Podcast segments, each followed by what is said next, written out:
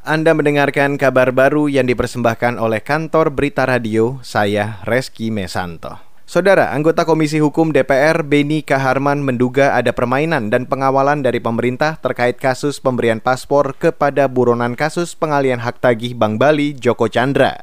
Ia beralasan berdasarkan korespondensi Dirjen Keimigrasian, Joko keluar Indonesia dengan jalur resmi atau tidak melalui jalur ilegal. Akibat pemberian paspor itu, Joko bebas melenggang ke luar negeri. Nah, dokumen-dokumen ini, Pak, Pak Ketua, kita tidak usahlah ikut main-main ciluba ini Komisi 3. Ini permainan, Pak. Saya rasa publik ini punya akal sehat juga untuk membuat penilaian, tapi penjelasan-penjelasan dokumen-dokumen yang ada ini makin meyakinkan kita bahwa masuknya Pak Joko ini memang dikawal, dikasih karpet merah oleh pemerintah. Saya lebih setuju, lebih senang apabila pemerintah terbuka bahwa memang kita membutuhkan Pak Joko dalam situasi COVID ini untuk investasi. Mungkin juga bawa uang, seperti yang dilakukan oleh Pak Menkumham, jemput Ibu Maria Lumova jauh-jauh di Serbia. Anggota Komisi Hukum Fraksi Demokrat Benika Herman menyampaikan, dalam korespondensi Dirjen Keimigrasian disebut pada 5 Mei 2020, kepolisian mengirim surat hal penyampaian penghapusan Interpol Red Notice. Kemudian Beni menyebut pada 13 Mei 2020, ada penghapusan nama Joko dari sistem DPO Sistem Informasi Manajemen Keimigrasian atau SIMKIM. Selanjutnya, pada 27 Juni 2020 ada permintaan DPO dan pemburuan Joko dari Kejaksaan Agung. Kemudian menyusul surat dari Kejaksaan Agung yang meminta agar Joko Chandra dicegah ke luar negeri.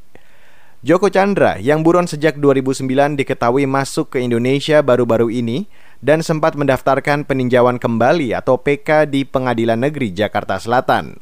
Karenanya, Mahfud mengatakan sudah seharusnya Indonesia tak dipermalukan oleh sosok buronan seperti Joko Chandra. Beralih ke informasi selanjutnya, Saudara, Kementerian Hukum dan HAM akan memeriksa kondisi rumah tahanan Salemba, Jakarta untuk memeriksa kebenaran yang disampaikan bekas tahanan politik Papua Surya Anta terkait buruknya kondisi rutan. Menkumham Yasona Lauli mengatakan belum akan memberikan sanksi karena saat ini tim pemeriksa masih bekerja. Ya itu kan belum tahu kita benar apa tidak. Saya sudah suruh perintahkan diperiksa. Dirjen sudah saya perintahkan memeriksa ke sana. Eh, harus diperiksa dulu dong benar apa tidaknya. Gimana sih? Itu tadi Menkumham Yasona Lauli.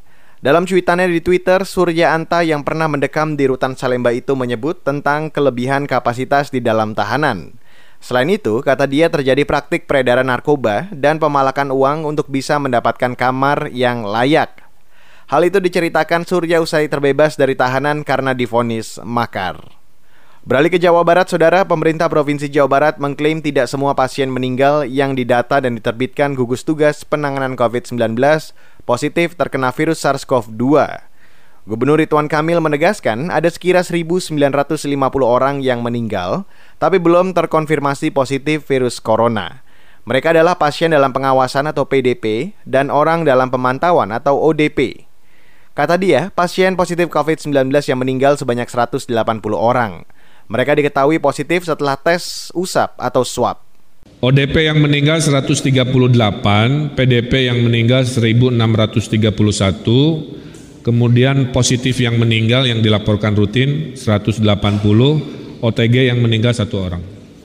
Gubernur Ridwan Kamil menuturkan data tersebut akan dicantumkan dalam situs Pusat Informasi dan Koordinasi COVID-19 Jawa Barat atau PIKOBAR mulai hari ini.